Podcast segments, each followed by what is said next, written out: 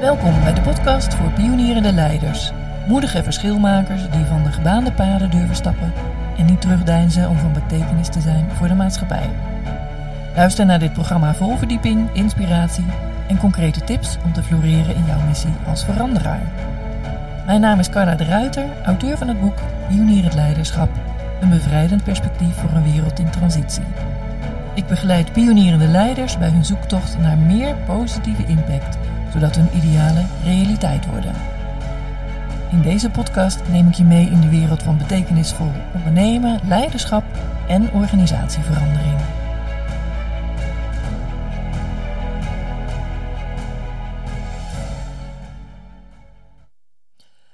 In deze aflevering vertel ik je meer over een van de kenmerken van een pionierend leider, en namelijk weerbaar zijn bij weerstand. Uit de pionierstest die je op mijn website vindt en die veel mensen hebben ingevuld, blijkt dat het merendeel van de invullers moeite heeft met weerstand. Weerstand krijgen we, vinden we helemaal niet leuk. Het voelt als kritiek op je werk, maar bovenal ook op jouw missie.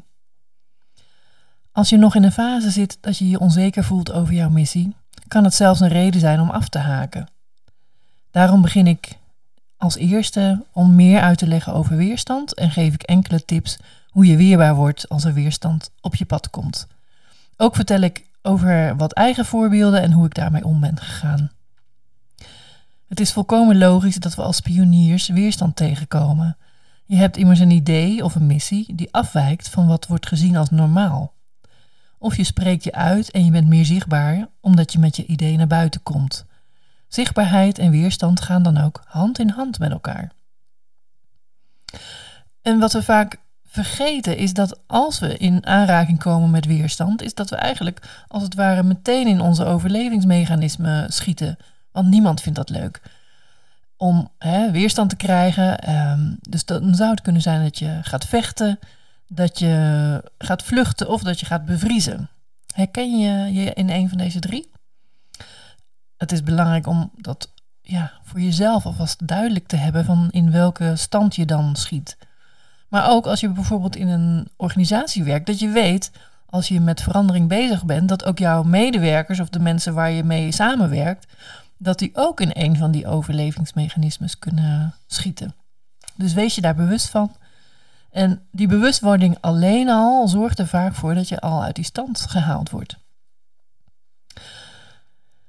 Kritiek krijgen vond ik en vind ik, nou vond, kan ik eerder zeggen, vond ik nooit leuk. En uh, ik, maar ik kan wel zeggen dat het me steeds meer gaat motiveren. Ik ben heel vaak begonnen aan nieuwe projecten en dan uh, ja, kan je bijna al de klok erop gelijk stellen dat je daar kritiek op gaat krijgen.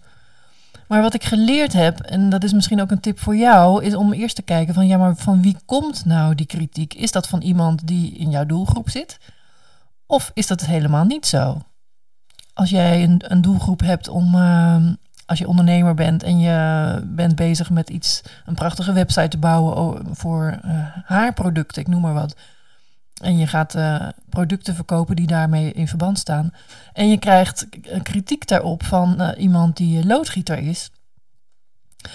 Nou, dan, je kan dus dat wel naast je neerleggen, want je kan er bijna wel zeker van zijn dat deze loodgieter niks met haarproducten heeft.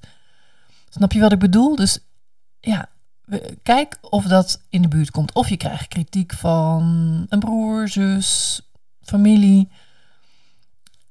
Ook daarvoor geldt, kijk of dat inderdaad mensen zijn die in jouw doelgroep vallen. Als het niet zo is, leg het naast je neer. Wat natuurlijk wel zo is, is dat als je kritiek krijgt in jouw hele naaste kring van je vrienden, van je familie, dan komt dat altijd harder aan. Op een of andere manier voelt dat alsof je afgewezen wordt. Hè? Maar hou, in ieder geval deze tip uh, dan in je hoofd. Wat ik zelf uh, heb ontdekt en ook toepas, is dat als er dan kritiek komt van mensen wel in jouw doelgroep, dat je daar echt naar gaat kijken. Van klopt dat? En zorg dan dat je nog beter wordt. Laatst kreeg ik van iemand kritiek ergens op en in eerste instantie voel je het dan een beetje wringen in jezelf. Hè? En um, maar hij had daar zo'n punt dat ik dacht, oh weet je wat, maar ik ga het nog mooier maken dan wat hij eigenlijk bedoelt. En uh, geef dus altijd meer. Ook schrijf ik, eh, zoals je waarschijnlijk weet, veel artikelen. Ook dat wordt wel eens afgekraakt. Ja, ik pas dan toch weer dat allemaal hetzelfde toe. Tuurlijk is dat niet leuk om uh, kritiek te krijgen. Zeker in deze tijd. Er is heel veel. Ja, er, er wordt zoveel op losgelaten als je iets schrijft wat niet binnen de gebaande paden valt. Dat maakt het daarom des te spannender. Des te spannend om ook echt te zeggen wat je werkelijk ergens van vindt. Maar blijf dat doen, want je kan alleen maar doen wat diep binnenin jou leeft om dat naar buiten te brengen. Ja, waar het op neerkomt is dat je natuurlijk vertrouwen moet hebben in je project, want er komen veel uitdagingen op je pad. En het is belangrijk dat je daar, uh, daarop kunt gaan koersen. Maak voor jezelf een onderscheid. Als je het hebt over weerstand tussen, is het weerstand van binnenuit, komt het van mij, of is het van buitenaf? Is het vanuit je omgeving, familie, vrienden enzovoort? Dus daar kan je weerstand aan herkennen.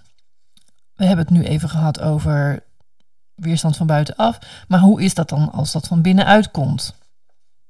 Want dat betekent dat je ja, toch een bepaalde kramp die je misschien krijgt uh, in, in jezelf, dat je dat moet leren herkennen en voelen. Nou, in hoeverre lukt je dat? Kan je dat waarnemen in jezelf? Sta daar eens bij stil. En wat gebeurt er bij jou?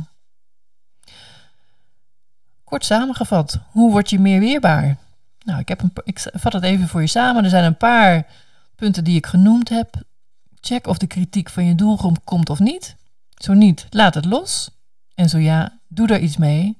En voel bij jezelf of je er iets in herkent. Dan kan je het nog meer ja, ja, geven als het ware. Dan kan je jezelf meer geven. En vlak ook niet uit. Soms is het ook terecht hè, dat je weerstand krijgt. Het is juist fijn. Ik heb ook echt geleerd om mensen te waarderen die met kritiek komen, want het zorgt ervoor dat je zelf weer beter wordt.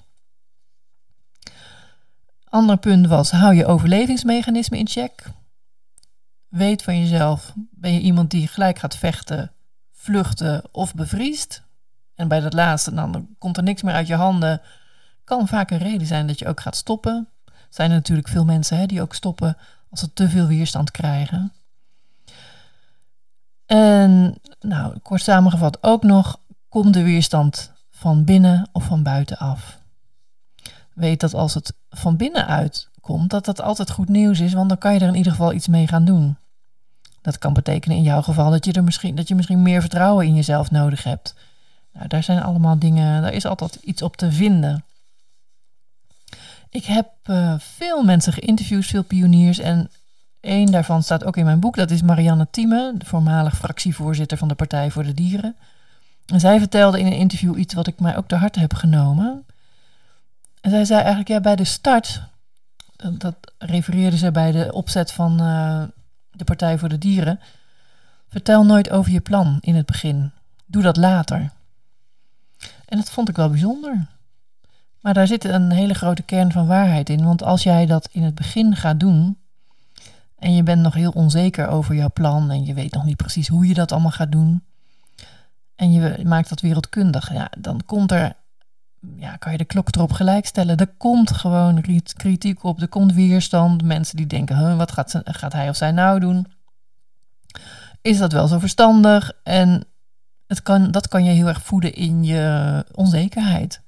Dus doe dat niet. Wacht tot je in ieder geval de fase voorbij bent van uh, onzekerheid. Dat je echt zeker weet, nou, dit is mijn plan, dit is mijn idee, dit is mijn missie.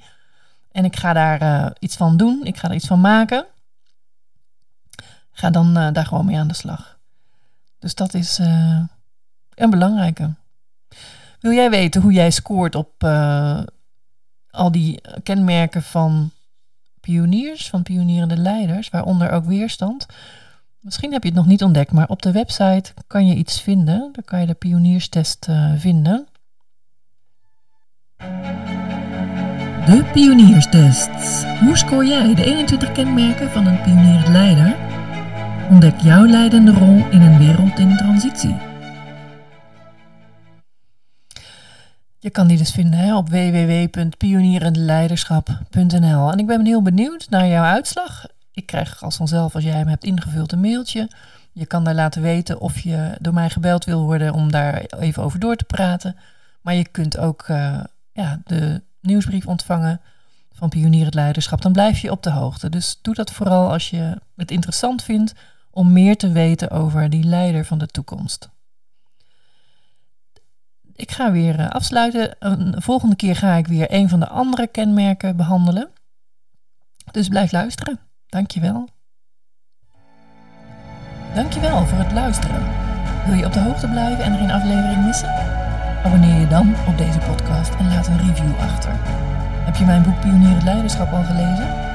Het is een must voor pioniers, verschilmakers, veranderaars die oog hebben voor de toekomst. Je bestelt deze eenvoudig via pionierhetleiderschap.nl.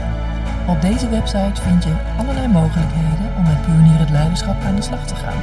Tot een volgende keer.